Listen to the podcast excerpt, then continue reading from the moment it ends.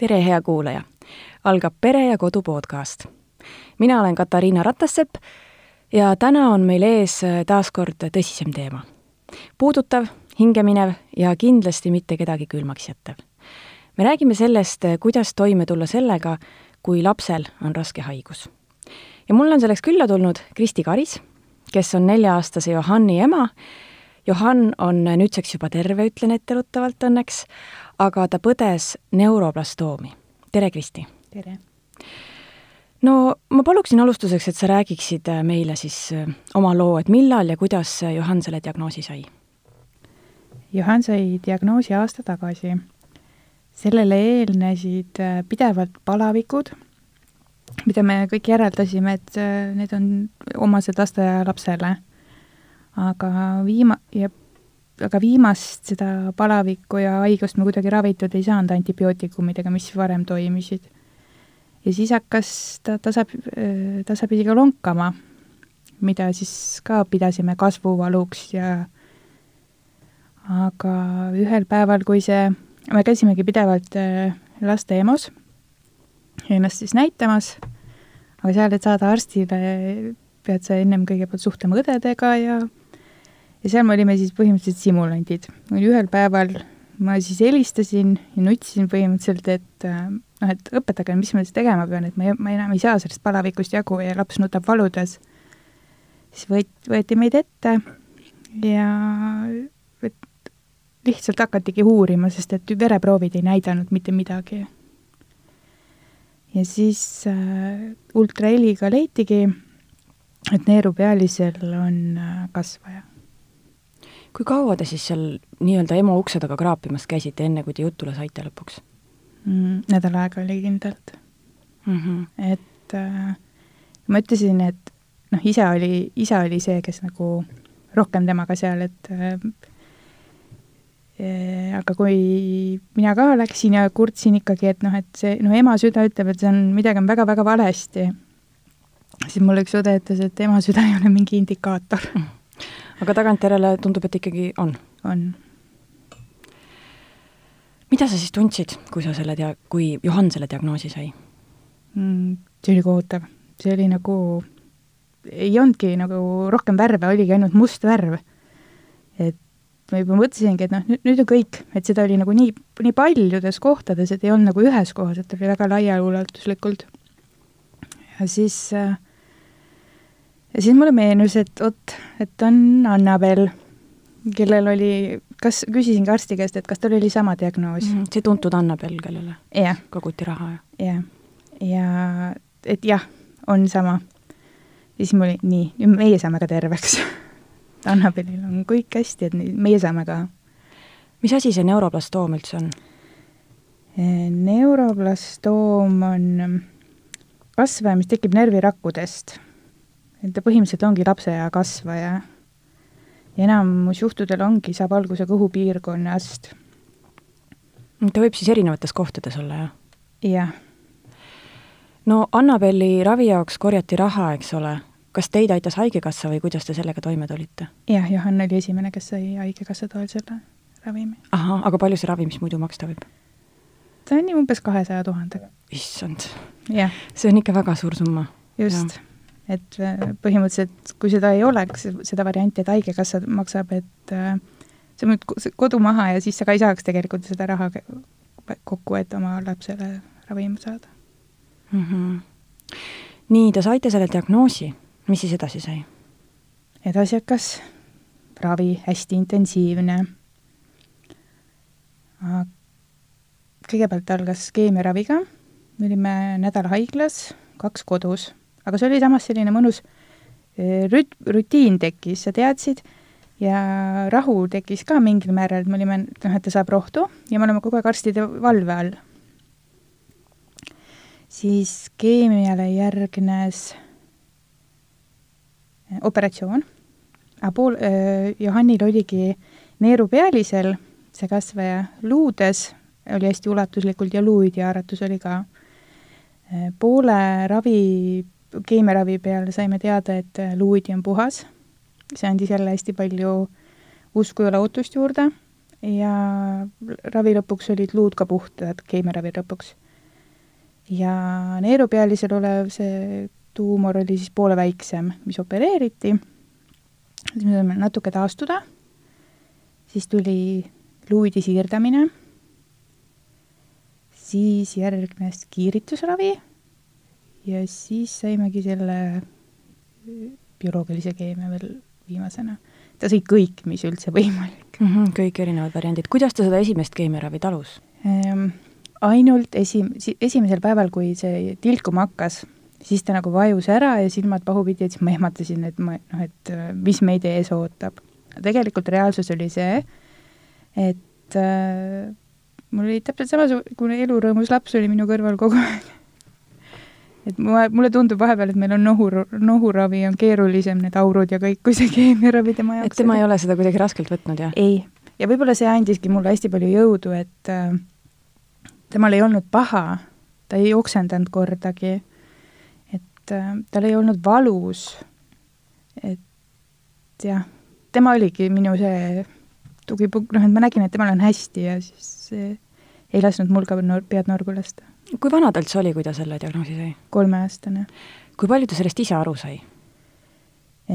tema jaoks on, oligi see kogu haigus on juustest ilmajäämine mm.. et äh, kõigepealt keemiaravi järg, järgselt ka jäi juustest ilma. juuksed tulid ära siis, jah? jah, jah.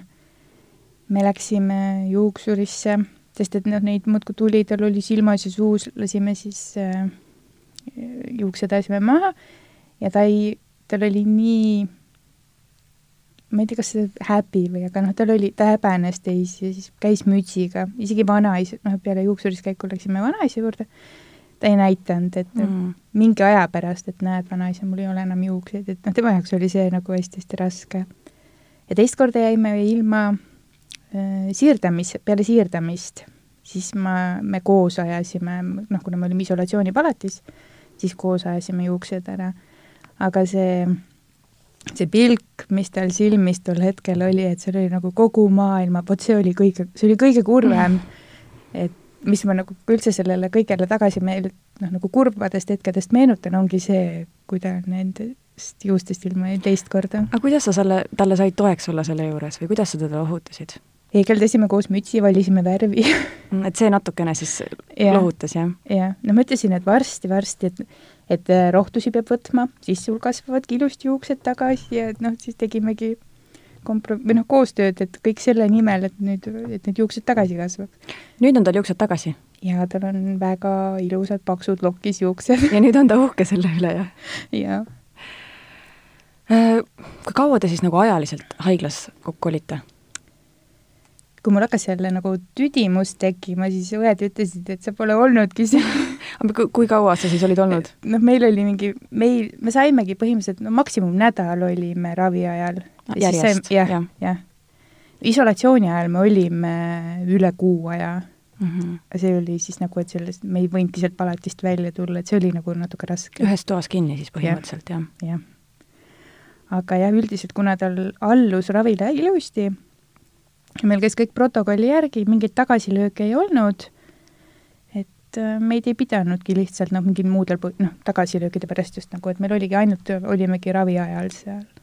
aga kas vanemad said kogu aeg juures olla või pidid vahepeal ööseks koju minema? kogu aeg saime juures olla. ja see ongi nagu Tartus, ma ei tea, kuidas Tallinnas on, aga Tartus on nagu imeline see, et äh, võimaldataksegi noh, kui meil on nagu diagnoosi saime, siis me olime mõlemad, mina ja, ja Hanni isa, mõlemad olime juures. et oligi välivoodi ja üks suur palat meile, et meil oligi nagu väike ühetoaline korter kuidas sa tööalaselt oled saanud seda nagu võimaldada, et sa oled noh, tegelikult tegelenud ju kogu aeg lapse haigusega nüüd mm.? jah, sellega ongi, et kui ma oleksin, ma töötan oma pere alluvuses nagu pereettevõttes mm, -hmm kui ma töötaksin kuskil mujal, siis ilmselt ma enam ei oleks töötajate nimekirjas. kas riigil on mingid toetused või omavalitsustel mingid toetused selle jaoks ka, et seda, seda vanemat, kes tegelikult peab olema kogu aeg lapse juures, toetada? ongi siis nagu, noh nüüd on õnneks see, et kuus, kuuekümne päeva eest saame haigusraha või selle hooldusraha, siis äh, Kambja vald toetab, me oleme, kuulume Kambja valla, valla poolt on väike osa siis no siis sügava puude puhul siis riigi poolt mm. -hmm. aga muud nagu nii et see tegelikult päris nagu palgasummat kokku ei too, jah? ei. kas sa oled mingis olukorras tundnud ka, et ähm, ümbritsevad inimesed äh, annavad mingi hinnangu või ei mõista seda, mis olukorras te tegelikult olete? kuna need ravimid, mis nad saavad, on no ikka tohutult muudavad laste iseloom, või noh, ma ei saa öelda iseloom, käitumist, no näiteks hormoonravi, et äh, see oli nagu ainuke asi, või noh, et me ei, ma ei suu-, tujud, meeleolu kõikumised, et vahepeal kodus lendasid kõik, mis ei olnud enam, mida ta jõudis liigutada, et äh, sama, ükskord oli poes käies, ta lihtsalt, tal tuli tuju, et ta nüüd kisendab, viskab ennast pikali ja trambib jalgu ja ja siis ma istusin pingi peal seal kõrval ja et no Johan, kas me nüüd oleme valmis, kas nüüd on kõik hästi? ja siis inimesed vaatasid mind äh, kõik, no Johanni vaatasid, et no on kasvatamatu laps ja siis ja see ema veel kindlasti on veel eriti hull, nii et ei aga et noh, ongi, et äh, me ei saa kontrollida seda, mida ravimid põhjust, mida, mis nad nagu laps, lastega teevad. Et me saame anda endast parima, et seda kuidagi leevendada, aga ma ei tea kunagi, kuna tal tul-, noh, see tuju peale tuleb, et aga kuidas sa siis ise rahulikuks ennast äh, suutsid hoida? alguses oli raske, ma ei saanud, noh, ma ei saanud ju ise ka aru, mis toimub. et noh, ma ümberringi nägin, et on lapsed tujukad ja jonnivad ja seal kaklevad ja on, et et aga siis ma siis võtsingi teda sülle ja vahepeal ta tuusteldas mind juustest, kiskus ja oli, et aga noh, kallistasin ja noh, et rahu, üritasin teda rahustada, et see oligi ainuke asi, mis ma teha sain. ja kas see rahustas teda mingil määral mm,? mitte alati, see vahepeal oligi nii, et see, see tuju pidi ära olema aga kui kaua ta neid hormoonravimeid võttis siis? see oli keemia, keem-, nii kaua, kui ta keemiaravi sai kaheksa nädalat, kaheksa kuuri ja siis ta nagu toetas, aga tema sai hästi, noh, ei saanud nagu nii suurtes annustes, et su-, seal vist oligi sellepärast, et tal paha ei oleks või ma ei, täpselt ei teagi mm. -hmm. ma küsiks veel selle luuüdi siirdamise kohta. kas see võetakse teiselt inimeselt? Äh, Johannil oli tal oli luuidi haaratud, et alguses oli jah, et äh, meil on doonorit vaja. Aga kuna ta poole ravi peal äh, sai luuidi puhtaks, siis äh, koguti tema enda luuidi, mis siis hiljem siirdati. ilmselt ka see protseduur, noh, nagu pärast see haiglas oleku aeg, et või see taastumine oli tal ka üpris kerge, ilmselt sellepärast, et noh, et ta sai, tema enda luuidi kasutati et äh, doonori omaga ei pruugi, noh, ei pruugi ta nii hästi, nii kergelt äh, omastada. Et mul oligi raam, ma olin kuulnud, et see on selline äh, keeruline aeg ja nüüd nagu tema laps ainult magab, minul olid siis kaasa võetud raamatud ja käsitöö ja kõik, et noh, et eks ma siis olen seal tema kõrval ja olen lihtsalt, pühendangi siis selle aja nagu endale. aga ma ei saanud ühtegi raamatut avada et äh, meil oli ikka hommikust õhtuni oli meie ühine aeg, et tal ei olnud õnneks jälle ühtegi tagasilööki. Kas teil on veel lapsi? jah. Jaanil on neil, temast kümme aastat vanem vend. kuidas tema seda läbi elas? Äh, mul, minu jaoks oligi suur hirm, noh, et ma ei osanud talle nagu algul seda selgitada, aga mul oligi, toeks oli hingehoidja, kes kõigepealt, kellega me suhtlesime rääkisime, et kuidas ma nagu mis ma talle ütlen, sest et noh, ümberringi ju inimesed surevad vähki et äh, mis ma, mis ma ütlen. aga see oligi, no kuna meil oli ka lähiringkonnas äh, positiivne nagu see, et üks, noh, paranes ja ma rääkisimegi talle, et äh, see on raske haigus, aga me ravime seda. et me ei keskendu sellele, et mis nagu teistel ka võib juhtu-, on juhtunud, et, et meie ravime ja usume sellesse, et me saame terveks ja nii on. kuidas ta võttis seda siis? et see neljateistaastane on juba pubekaiga ja yeah. et e, ta ei näita mulle välja. et noh, võib-olla tema sees on nagu palju-palju hullem see olukord, kui ta mulle välja räägib või, või näitab. aga ta on hästi vapper, et äh, kui siin mina olin, noh, kui me läksimegi haiglasse, et see nõela või kanüülipanek, see on hästi hirmus protseduur, tegelik, noh, selle lapse jaoks, kellele see pannakse. ja siis oligi, et äh, on käinud vennaga koos panemas. et nad kõik, nad mõlemad mul said suureks, kui see haigus tuli, siis tegelikult said mõlemad suureks laps, noh, nagu, et nagu nad nagu lapsed nagu ei ole otsa natuke, jah? jah mm, -hmm. et äh, aga kuidas see vanem vend suhtus sellesse, et ema on põhimõtteliselt aasta aega kogu aeg ära?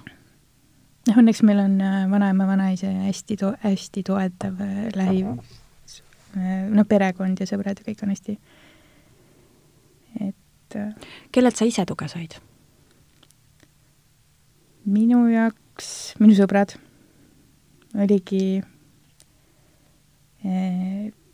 kui Johan sündis, siis oli see beebigrupist kasvas välja seltskond emmesi, kes nagu igapäevaselt me oleme ka, või noh, põhimõtteliselt olemegi kakskümmend neli seitse, suhtleme ja oleme, et äh, iga murega, vahepeal ongi, et vaja lihtsalt, et et ära kuulatakse, sa ei peagi midagi vastu ütlema, et noh, nendega ma olen nagu, nemad on minu väga suureks toeks.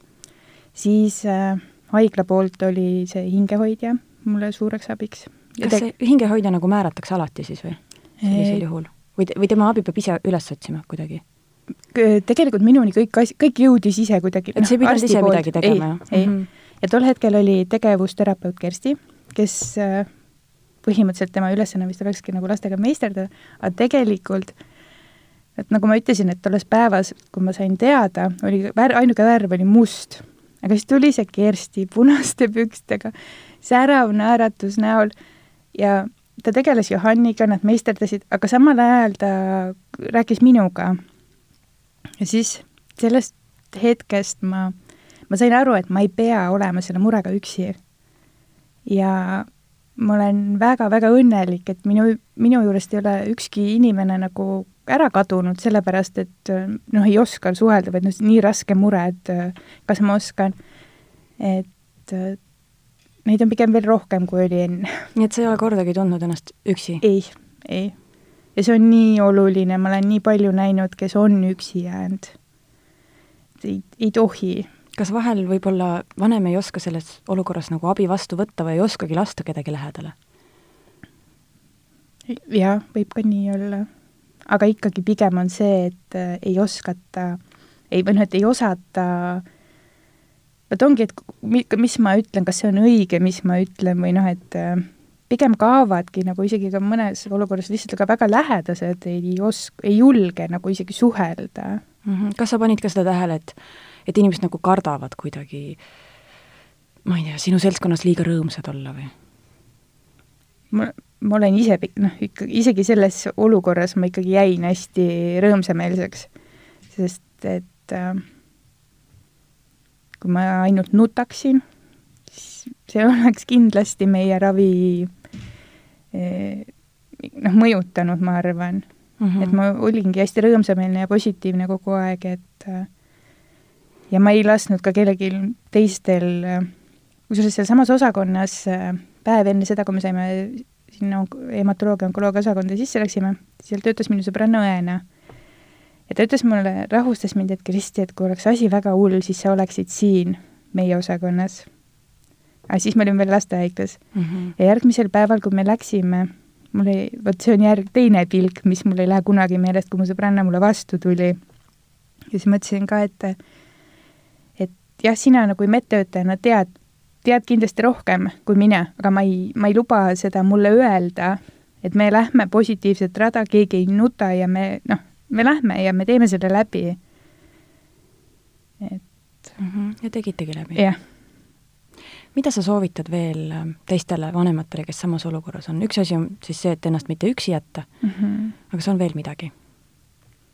see ongi see ka, et ei, noh, et abi paluda. kui sa ikkagi tunned, et noh, näiteks äh, psühholoogi abi äh,, see ei ole see ei ole üldse midagi piinlikku.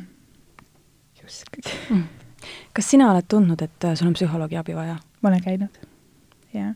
ja seesama meie Kersti äh,, mul on olnud, järsku tekkisid äh, need äh, paanikahood, täiesti mm, -hmm. kui ma nagu ei saanud, me olime ka vahepeal haiglas isaga vaheldumisi. millal need siis tekkisid? Kui ma ei saanud nagu kohe teada, mis toimub mm, -hmm. mingi viivitus, ja siis ta võttiski ikka mul täiesti hinge kinni.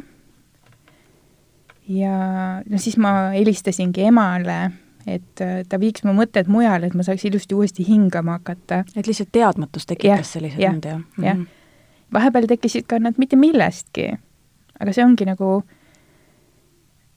ma, mulle ei meeldi, kui mul on paha tunne, siis ma, mina olen see, kes hakkab nagu kohe abi otsima ja nii ma jõudsingi ka ikkagi psühholoogi juurde.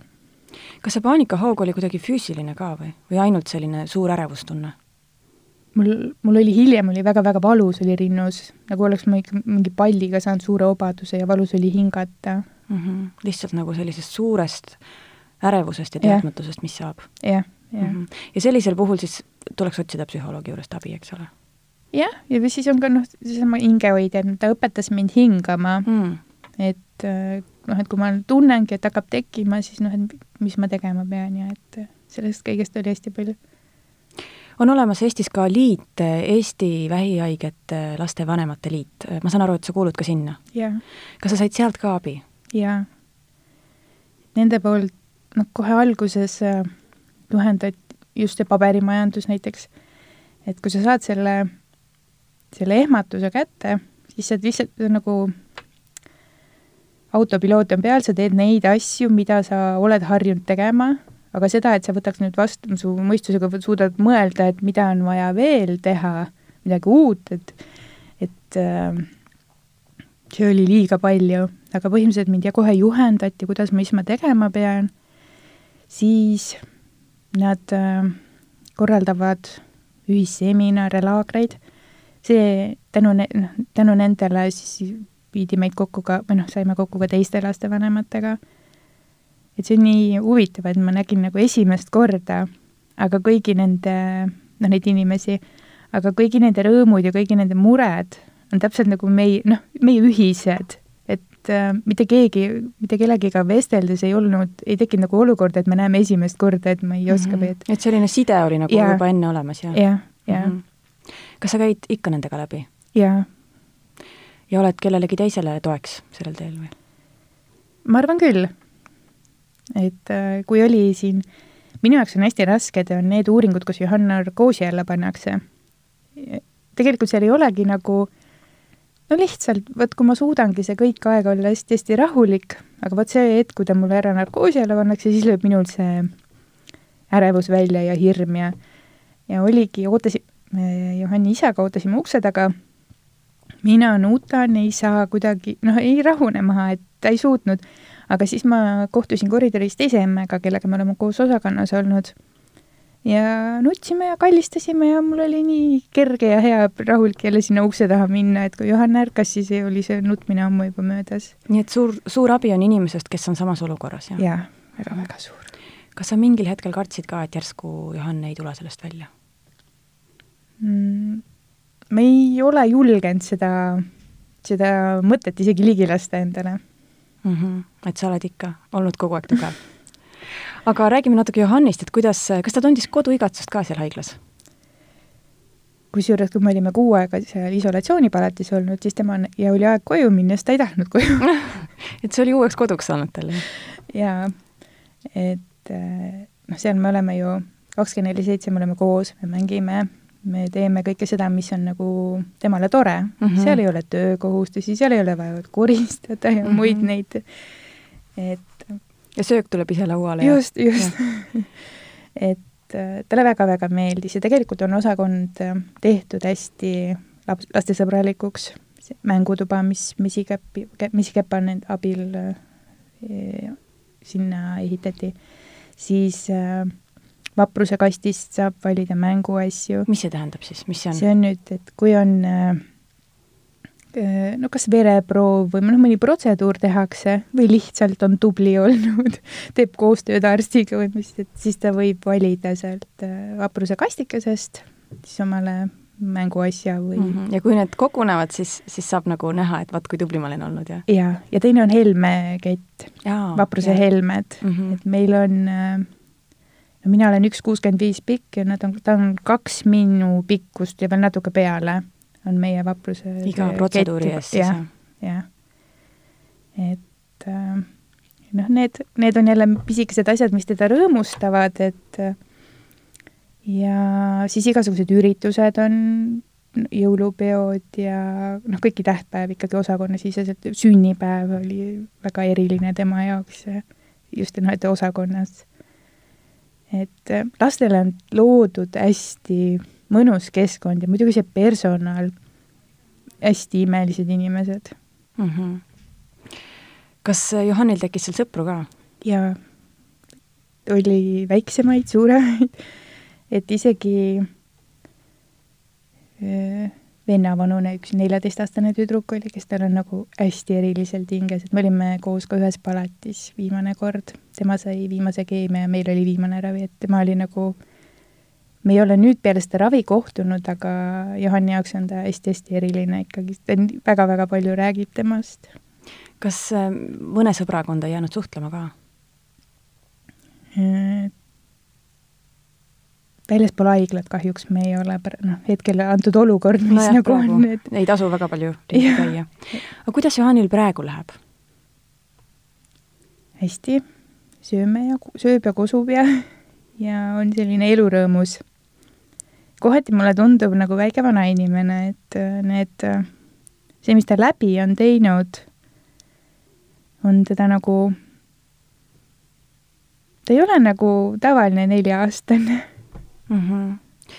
aga sa ütled, et, et kõige suurem äh, mure tema jaoks oli see juuste kaotus, aga, aga süstid, narkoosid, kõik, äh, kuidas ta, kas ta ei kartnud kordagi siis selliseid asju, mida mhm. tegelikult kõik lapsed kardavad? jah, nad harjuvad kõigega et äh, lõpuks oli, see oligi hästi vahva just nende süstide ja vereproovide puhul, et äh, kui hommikul kell kuus tuli, või noh, peale, selle ajal tuli umbes vereproove võtma ja ta üleval oli, siis oli nii vahva see, kuidas õed lasid temal endal eh, seda katsutit hoida ja noh, neil oli tohutu koostöö. Ja see oli nii vahva, et igasugune hirm, nad tegid kõik, et ei oleks lapsel hirmu. Hmm.. aga kuidas ta praegu tagasi vaatab sellele ajale, olete sellest rääkinud? me, me ei, väga ei ole. et noh, ta igatseb oma haiglasõpru mm. -hmm. et äh, see on, mängutuba igatseb väga kuidas nüüd edasi? kas ta, millal ta saab lasteaeda tagasi minna? lasteaeda me saame võib-olla alles järgmine aasta. et praegu siis immuunsuse hoidmiseks mm -hmm. peab kodus olema, jah mm? -hmm. see tähendab, et, et sina oled siis ka rohkem kodune temaga praegu, jah? Äh, meil on jah, ja ka meil on ka äh, hetkel on nagu riikliku projekti raames, no kas on ainult selle aasta lõpuni, on hoidja, kes on tema juures, et noh, lihtsalt natukenegi saaks ka midagi muud või noh, et ei ole, et ainult oled kakskümmend neli seitse lapsega. kusjuures ongi selle haiguse, mis ma nagu veel ka teistele vanematega, et äh, ei tohi iseennast kaotada. et see on loomulik, et noh, alguses ma olin ka hästi, noh, ma olingi kogu aeg lapsega koos, aga siis ma sain aru, et äh, kui minu tass on tühi, siis on kõigil teiste tassid ka tühjad, et äh, ma peab, ma mäletangi, kuidas äh, et ma tühistan oma maniküüri ja pediküüri ära ja ema ütles, et ei, elu ei jää seisma mm, -hmm. me mhm. kõik elame oma elu edasi et noh, siis praegu ongi nagu see koht, et see hoidjatädi käib ja on, et kas või see, et ma lähen kus väljas jalutama või mis iganes, et millega sa oled seda oma tassi täitnud siis selle aja jooksul mm,? ongi, tegelikult mul on väga-väga vaja inimesi enda ümber. et lihtsalt sõpradega kohtunud ja? ja, mhm. ja, et kas oleme siis kinos või spaas käinud või et noh, lihtsalt kuidas see ravi lõpp siis välja nägi? Et äh, millal ja kuidas sa said esimese sellise signaali, et nüüd on vist kõik korras? see oligi no päris äh, tu-, kindla selle saimegi siis sellest viimast isotoopuuringust, aga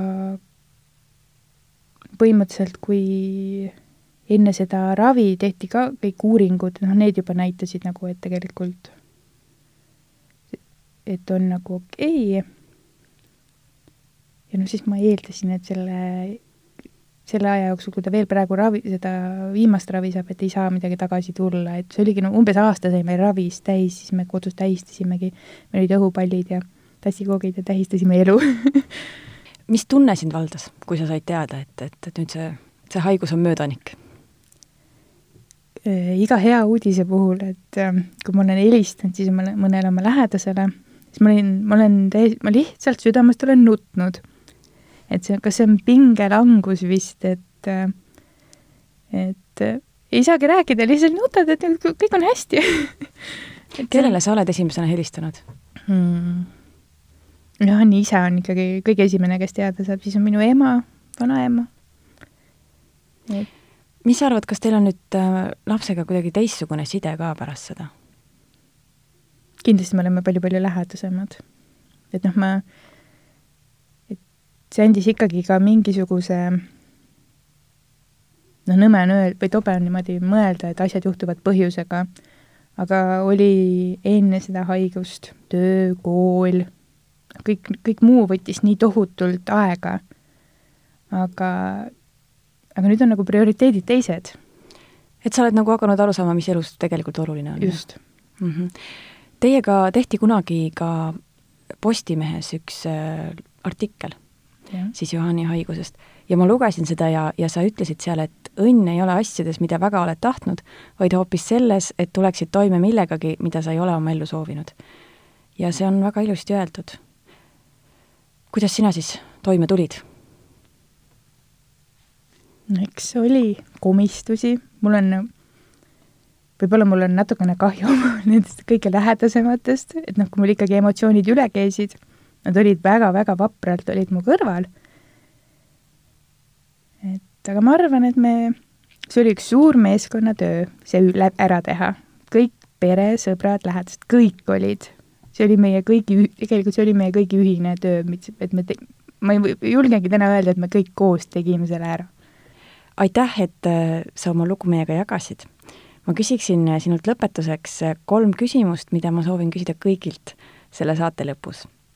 esimene küsimus on, et mida sa sellest loost oled õppinud? mitte midagi siin elus ei tohi võtta iseenesestmõistetavana. kuidas see sind inimesena on muutnud? väga palju. ma ma tunnen ise, et ma olen täna hoopis teine inimene, ma ei oska seda sõnadesse. mismoodi? no just need väärtushinnangud, ma ei, mingi nii, need, mis olid varem, olid nagu suur, tohutu mure, need ei ole mingi mure. no mis enne näiteks oli mure? Olmemure Need on mingid, ma ei tea, ma tunnen, et mul, need olid täiesti pseudoprobleemid, need ei ole asjad, mille pärast oleks pidanud nii muretsema aga mis sa kar-, mis sa arvad, kas sa kardad, et, et sa võid tagasi langeda sinna? ma loodan, et ei et elu lõpuni nüüd ikkagi yeah. tead, mis on oluline. no kolmandaks ma küsiks seda, et kui sul on olnud väga raske aeg, siis mis on sulle aidanud hommikul voodist tõusta? Johan. hästi. aitäh, Kristi! aitäh! aitäh, armas kuulaja, et sa meie podcasti kuulasid kõik meie saated on leitavad Spotify'st, iTunes'ist, SoundCloud'ist ja ka kõikidest teistest suurematest podcast'ide rakendustest. leidke meid üles, hakake jälgima ja uued episoodid jõuavad esimestena teieni